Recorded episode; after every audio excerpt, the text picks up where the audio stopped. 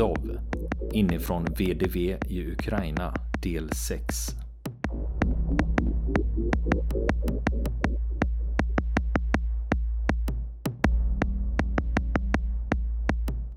Det är den 24 februari 2022 och sergeant Pavel Filatjev har tillsammans med 56 luftburna gardesbrigaden gått in i Ukraina. Just nu har deras konvoj kört fast på ett lerigt fält och de försöker dra loss fordonen. Filatjev börjar prata med ett spaningsförband som precis kommit fram till dem. Trots att spanarna precis kommit dit så föraktar jag röran framför dem ute på fältet.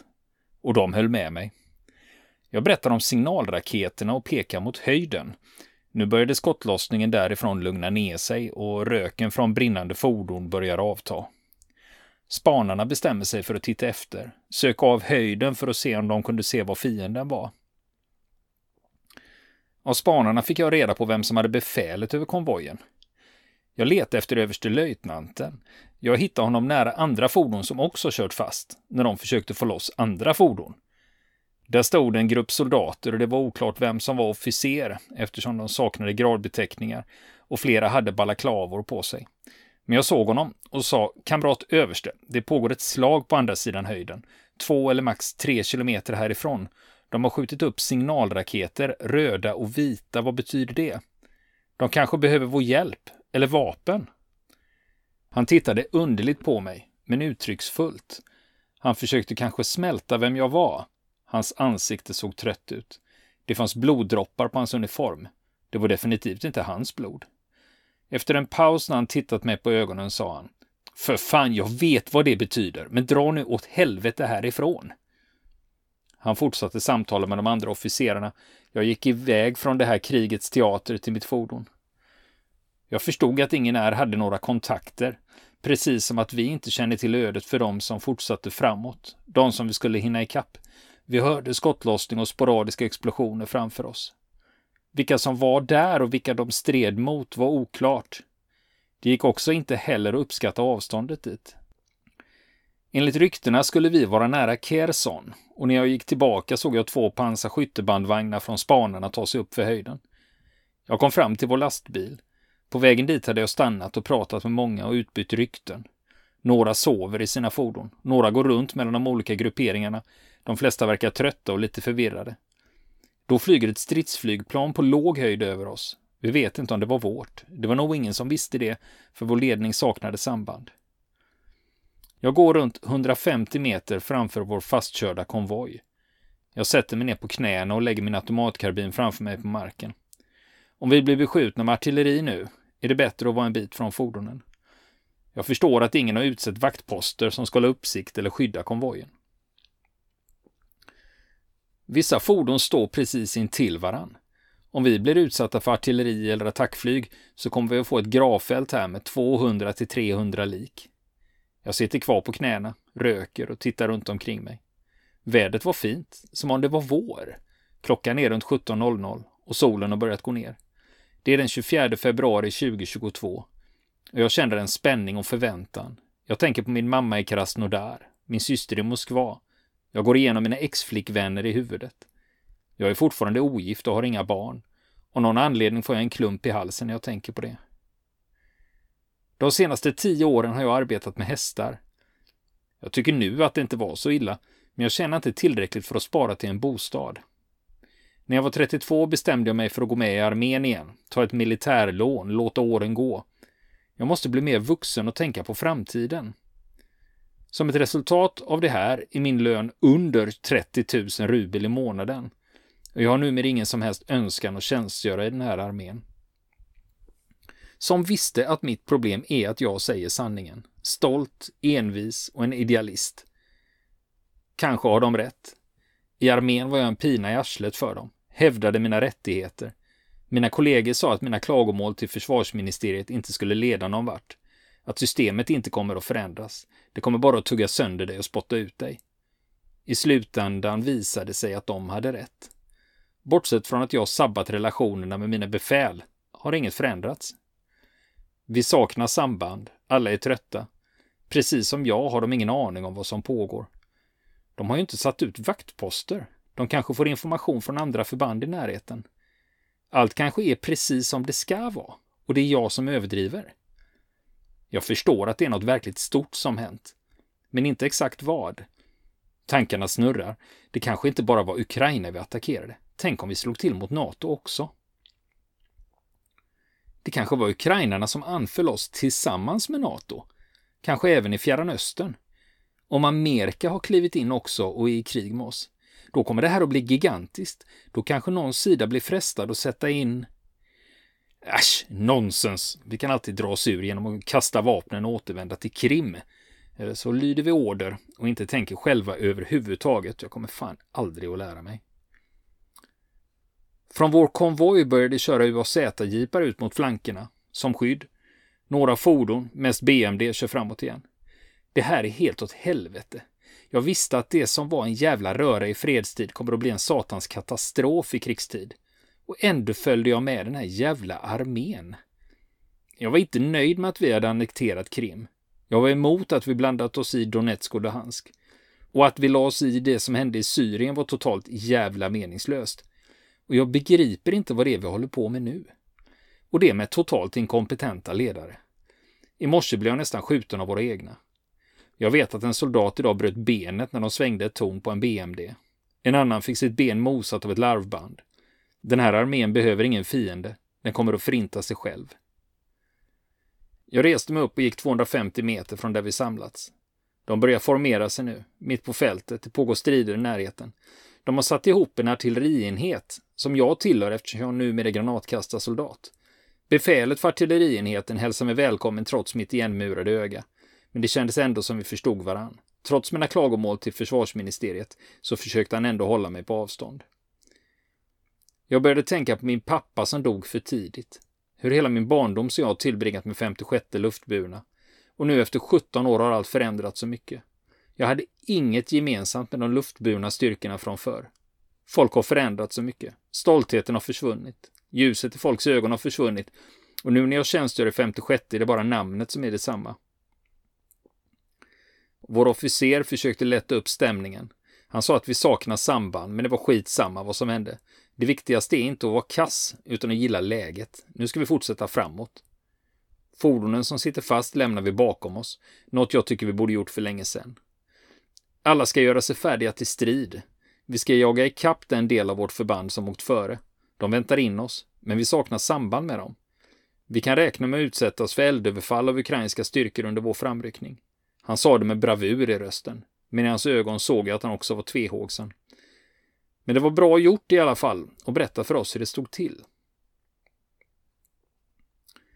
Det mörknar när vi sitter upp i fordonen. Jag hade lyckats få ihop vad det var som hade hänt. Det var två kompanier från insatsbataljonen som tidigt hade stuckit i förväg ihop med min bataljon. Mitt kompani hade svängt av från vägen och hade också anslutit vid bron, men de hade tagit en annan väg. Regementsledningen med BMD hade kört efter dem eftersom de saknar samband och vi var tvungna att jaga ikapp dem också och försöka ansluta vid bron. Initialt var hela vårt regemente förstärkt med delar av sjunde luftburna divisionen. Vi skulle anlända vid bron vid lunchtid, gräva ner oss vid bron och sen gå in i Kherson. Det var redan mörkt när konvojen började röra på sig igen och vi lämnade fastkörda fordon bakom oss. När vi åkte satt jag bredvid en ung granatkastarsoldat i vår urallastbil utan bromsar. Vi satt på lådor med granater. Vi förberedde våra automatkarbiner för strid. Jag tänkte på mitt gamla kompani och de som var framför oss. Det var korkat av mig att hoppa av och ansluta mig till granatkastarna, eftersom jag inte har några vänner här. Men de betedde sig illa och jag lämnade dem för att det var ett helvete där. Nu sitter jag här, på en bokstavlig krutdurk, om vi blir utsatta för eldöverfall. Dessutom om det sker av en kompetent fiende, då går det definitivt rejält åt helvete. Ingen skojar. Alla har plötsligt mognat och blivit allvarliga. Vi kör sakta i en halvtimme innan konvojen stannar. Vi står still en timme. Det var helt mörkt nu och nu kommer orden att vi ska stå här till gryningen. Stäng av motorerna och vänta på att fienden ska anfalla. Vi står ute på en helt öppen yta, uppradade som måltavlor. Om vi blir anfallna av en erfaren fiende kommer vi inte ha en chans. Dessutom sitter jag i en lastbil full med granater. I konvojen är vi 30 fordon. Det är lastbilar, UAZ-jeepar, två pansarskyttebandvagnar, flera BMD2 och BMD4 och lastbilar med artilleripjäser. Det fienden har är tillräckligt för att spränga pansarfordon. Vi skulle inte ens kunna stå emot ett raketgevär. Jag brukar i allmänhet hålla tyst om pansarvärnsroboten Javelin. Men sen knattrar kulsprutor igång och i mörkret. Vi förstår inte vem det är som skjuter på vad. Vi bestämmer oss för att sova. Jag ska sova med en kille på flaket. Jag får låna någons sovsäck. Två som åkte i hytten sover i den. Vi är totalt fyra stycken vid en granatkastarservis. Från vårt tredje fordon så patrullerar två soldater. Det betyder att 20 soldater bevakar konvojen på natten. Vi åt ingenting. Vi somnade runt klockan 23 och så började det regna. 25 februari. Det kändes som vi precis hade somnat när vi blev väckta för att lösa av vaktposterna. Klockan var två på natten. När vi har sovit har vi blivit rejält nedkylda. Vi kan höra skottlossning och explosioner på avstånd. Vi patrullerar i bäckmörker. Vi går omkring i högt tempo för att hålla värmen. Påfrestningarna har svetsat oss samman. Till och med officerarna är lättare att ha att göra med. Efter en timme ska vi lösas av. Vi kryper ner i sovsäcken och fryser oss till söms. Runt klockan fem på morgonen så vaknar alla och vi förbereder oss för att rulla. Alla är ändå klara. Ingen har klätt av sig under natten eller låg i någon annan förberedd sovplats. Alla sov i sina fordon. Jag såg inte ens någon som tog av sig kängorna. Det är inte riktigt klart vad vi väntar på och vi äter i gryningen. Fordonen är placerade för att vara förberedda ifall vi blir utsatta för ett eldöverfall. Framför oss finns spanarnas pansarskyttebandvagnar. Resten av fordonen är en bit bakom. Vi är på lite bättre humör. Jag är förvånad att vi inte blev anfallna i natt med tanke på hur sårbara vi var. Det kanske inte är så illa ändå. Det kanske är ännu värre i ukrainska armén. Eller också kan vi på väg in i en fälla. Konvojen kryper framåt på smala landsvägar och grusvägar. Återigen så fastnar en av lastbilarna på grund av trafikstockning. Den fastnar i sand vid sidan av vägen och vi börjar lasta av granater från den. Jag bär på tunga lådor som de andra. Vi är redan uttröttade. Vi muttrar att det vore bättre att överge den här lastbilen och istället skynda till vår egen. För återigen så förlorar vi tid. En officer, en gammal bekant, står och ler och retar mig. Så du skrev alltså ett klagomål till försvarsministeriet och står och väntar på min reaktion. Jag stannar upp och vänder mig mot honom och säger om alla gjorde som jag, istället för att författa förfalskade rapporter, ägna sig åt meningslösa uppställningar och meningslösa arbetsuppgifter, så kanske vi kunde lära oss något vettigt och kanske till och med genomföra riktiga militärövningar. Då kanske vi inte skulle befinna oss i den skiten som vi gör nu, utan samband och med fordon som gör att vi inte ens kan ta oss till Kherson. Han tittar bort. Han låtsades som om det var något jätteintressant att titta på någon annanstans. Jag förstod inte riktigt vad han tyckte. Att han inte ville prata om det eller att han höll med mig. När det gäller militär disciplin har jag egentligen ingen rätt att tilltala honom som jag gjorde. Så under tystnad fortsätter jag lasta av granatlådor. En timme senare får vi loss lastbilen och kan fortsätta. Vi fortsätter på en asfalterad väg, men efter ett tag så stannar vi igen. Jag börjar svära. Det är en perfekt plats för ett bakhåll. Det är tjock växtlighet som skymmer sikten på bägge sidor om vägen. Jag hoppar ur vår urallastbil som saknar bromsar och tänder en cigg när jag går längs med konvojen. Bredvid oss står en pansarterrängbil, en BTR 82 som tillhör spanarna. Jag kollar på dem men känner inte igen någon av dem. Regementet är nyligen uppsatt och vi är många som inte känner varandra. Och nu efter att spaningsbataljonen från sjunde divisionen har anslutit sig till oss så var det inte konstigt att jag inte såg någon jag kände. Jag gick tyst förbi och rökte min sista cigarett när någon från BTR 82 ropade glatt. Hej kompis, hälsar du inte va? Han som ropat är en ung löjtnant som var med mig under fallskärmsjägarutbildningen. Trots att han var mycket yngre än mig så var han en av de få officerarna som jag faktiskt respekterade. Jag träffade honom på löparbanan ibland. Han var jätteduktig på att springa, kanske bäste löparen i hela regementet. Högsta militärledningen hade ännu inte lyckats avskräcka honom från att tjänstgöra i armén och han blev förflyttad till ett spaningskompani. Något jag inte hade lyckats med eftersom min relation med officerarna var som den var efter mitt brev till försvarsministeriet. Vi stod och pratade om allt och inget och log mot varandra. Nu märkte jag att fler och fler började kalla varandra bröder och stämningen mellan männen var bättre och varmare. Plötsligt dök regementets sjukvårdsofficer upp. Han gick och letade efter platser där vi kunde transportera skadade. Jag hade träffat på honom på natten när jag var vaktpost och trots tidigare konflikter oss emellan, bland annat när jag hamnade på sjukhus med lunginflammation, så hade vi nu ändå ett bra samtal.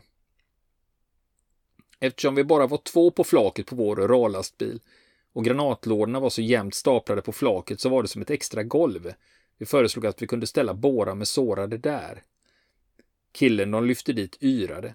En sjukvårdare klättrade upp, gav honom en spruta, virade in honom i en tunn aluminiumfilt och la en sovsäck över honom. Sjukvården sa till oss att hålla ett öga på honom och om han började blöda skulle vi dra åt tourniqueten.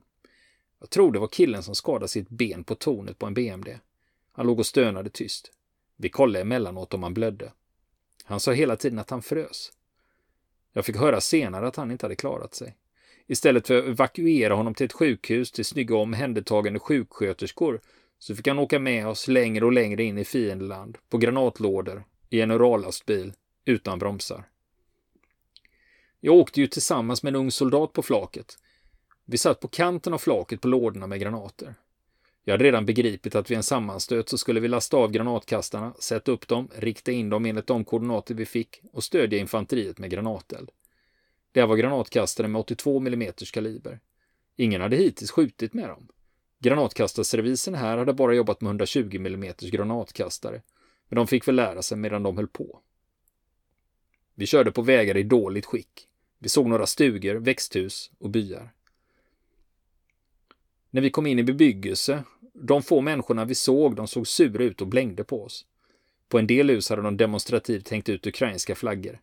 Det kändes lite misstänksamt och för min del var det blandade känslor.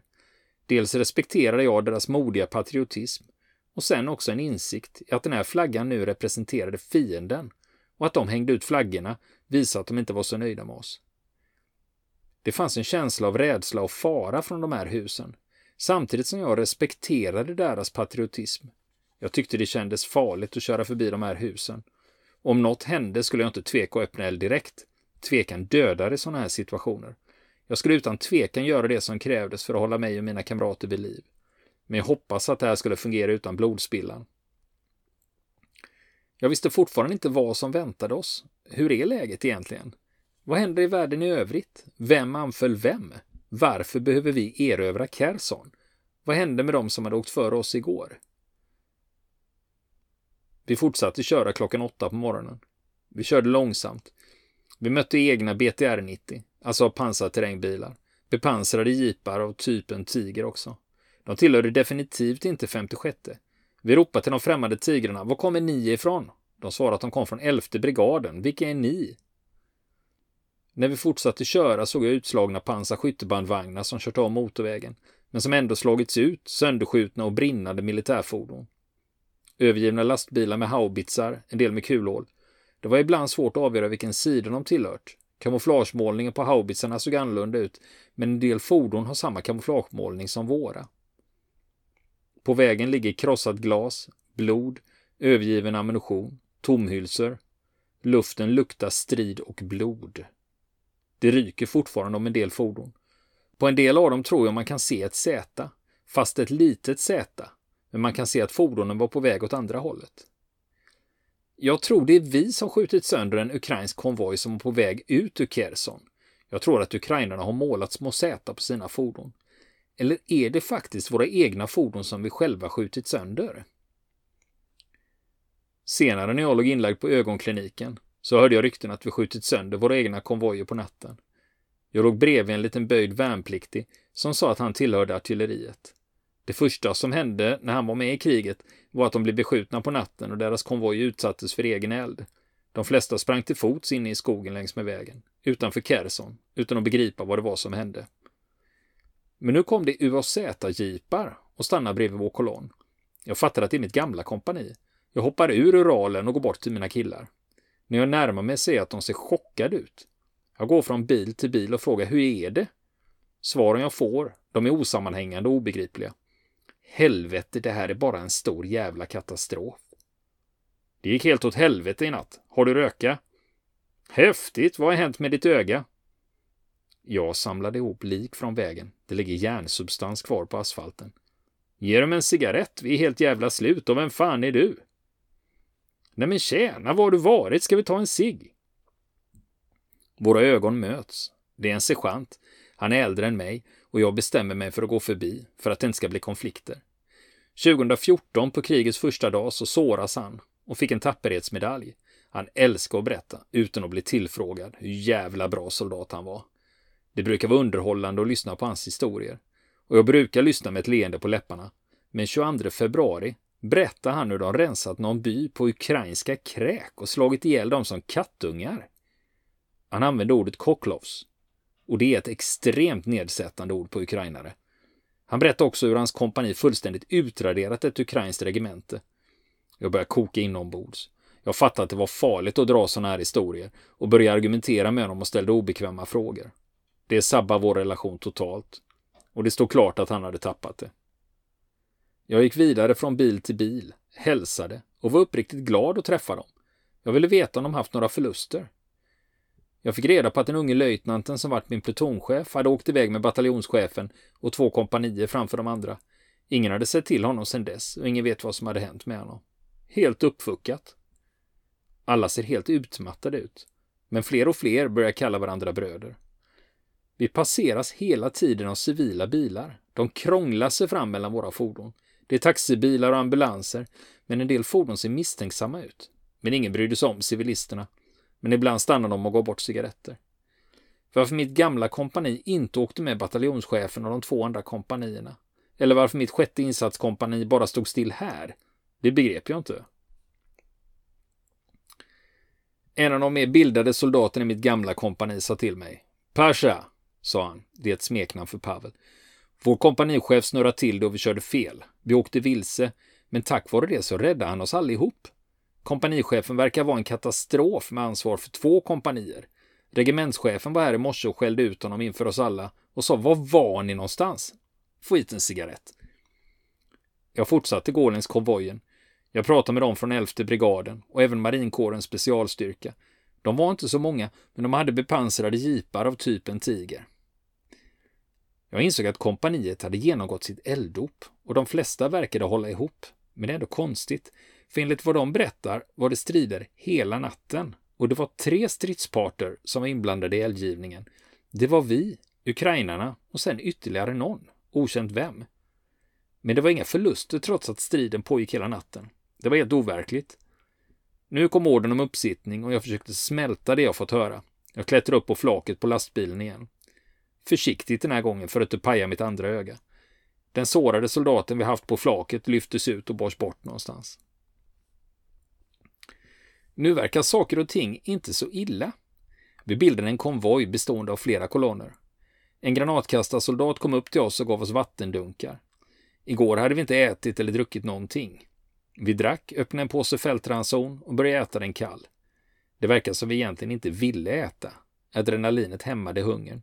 För nu stod det klart att vi skulle tillbaka till Kherson igen och att det skulle bli stridigheter. Civilister gick förbi vår konvoj. De hade påsar och väskor. Det var uppenbart att de flydde från kriget. Det verkar som alla var på väg ut från Kherson. Men vi var på väg dit. Jag tyckte synd om dem, men samtidigt var jag förbannad och nervös. För det är de bilar som passerar oss, utan att vi kontrollerade dem, trots att det här var krig. Hittills har ingen mött oss med öppna armar och bland de som åkte förbi oss fanns det säkert militärer som skulle kunna meddela vår position till artilleriet, flyget eller drönaroperatörer. Att nu finns det en tätt packad konvoj på den här jävla vägen. Plötsligt lade jag märke till en ung kille i civila kläder som gick förbi oss. Men i motsats till alla andra var han på väg mot Kerson. Jag reste mig upp och ropade. Hej, du där, kom hit! Han var skiträdd men kom fram till mig. Han var runt 20 år. Smutsig och för stora kläder. Han var ganska kortväxt och mörkhyad. Det var något med honom. Varningsklockorna ringde i skallen på mig. Jag undrade vem han var och varför han var på väg i den riktningen. Han svarade med en kraftig ukrainsk brytning att han arbetar på en grönsaksodling. Men nu hade ägaren sagt till honom att det inte fanns mer jobb för honom och att han bodde i Mykolaiv-regionen och nu var han på väg hem. Jag tyckte det lät som nonsens. Jag fick inte ihop det. Han såg ut som en soldat som klätt ut sig i civila kläder för att spionera på vad vi höll på med. Eller att han hade deserterat. Jag sa det till honom och han började skaka, stamma och hitta på ursäkter. Han visade sitt inplastade pass. Han var verkligen 20 år gammal. Vi försäkrade honom om att vi inte skulle göra honom illa. Men du kan inte ta dig till Kerson nu. Det är bättre du går dit efter att vi har åkt härifrån. För vi misstänkte att det skulle hetta till och det vore bättre om han höll sig undan så han inte hamnade mitt emellan. Han sa att han inte hade något att äta och att han behövde fortsätta. Vi gav honom en fältranson och sa till honom att gå in i skogen, göra upp en eld och ät den. Han tog fältransonen och gick in i skogen. Det verkar som han ljög för oss. Men om jag nu hade rätt, vad skulle vi göra med honom? Kanske var han en desertör som inte ville slåss. Det var ingen som var förbannad på honom. Jag brydde mig inte. Jag tyckte inte synd om honom heller. Men jag kände mig lite skyldig för att vi invaderade landet och sabbade livet för alla de här människorna. Men tänk om jag hade rätt att han var där för att kartlägga oss och lämna över våra koordinater till ukrainska militären. Men andra sidan hade hundratals bilar med möjlighet att filma oss redan passerat och en del hade stuckit ut mobilerna genom bilrutan för att filma oss när de passerade oss. Helt galet. Det var problem med att organisera vår konvoj och få den att rulla. Men vid lunch började vi rulla och det gick undan i riktning mot Kherson. Vi passerade trasiga, utslagna, brända eller övergivna ukrainska fordon.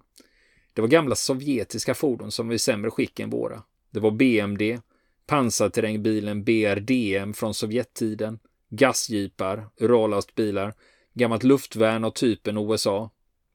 Det verkar som de hade blivit anfallna av attackhelikoptrar. De verkade övergivna. En del hade spår av finkalibrig eld. Antagligen från våra grabbar när de slog sig fram här. Undrar förresten hur de har det nu.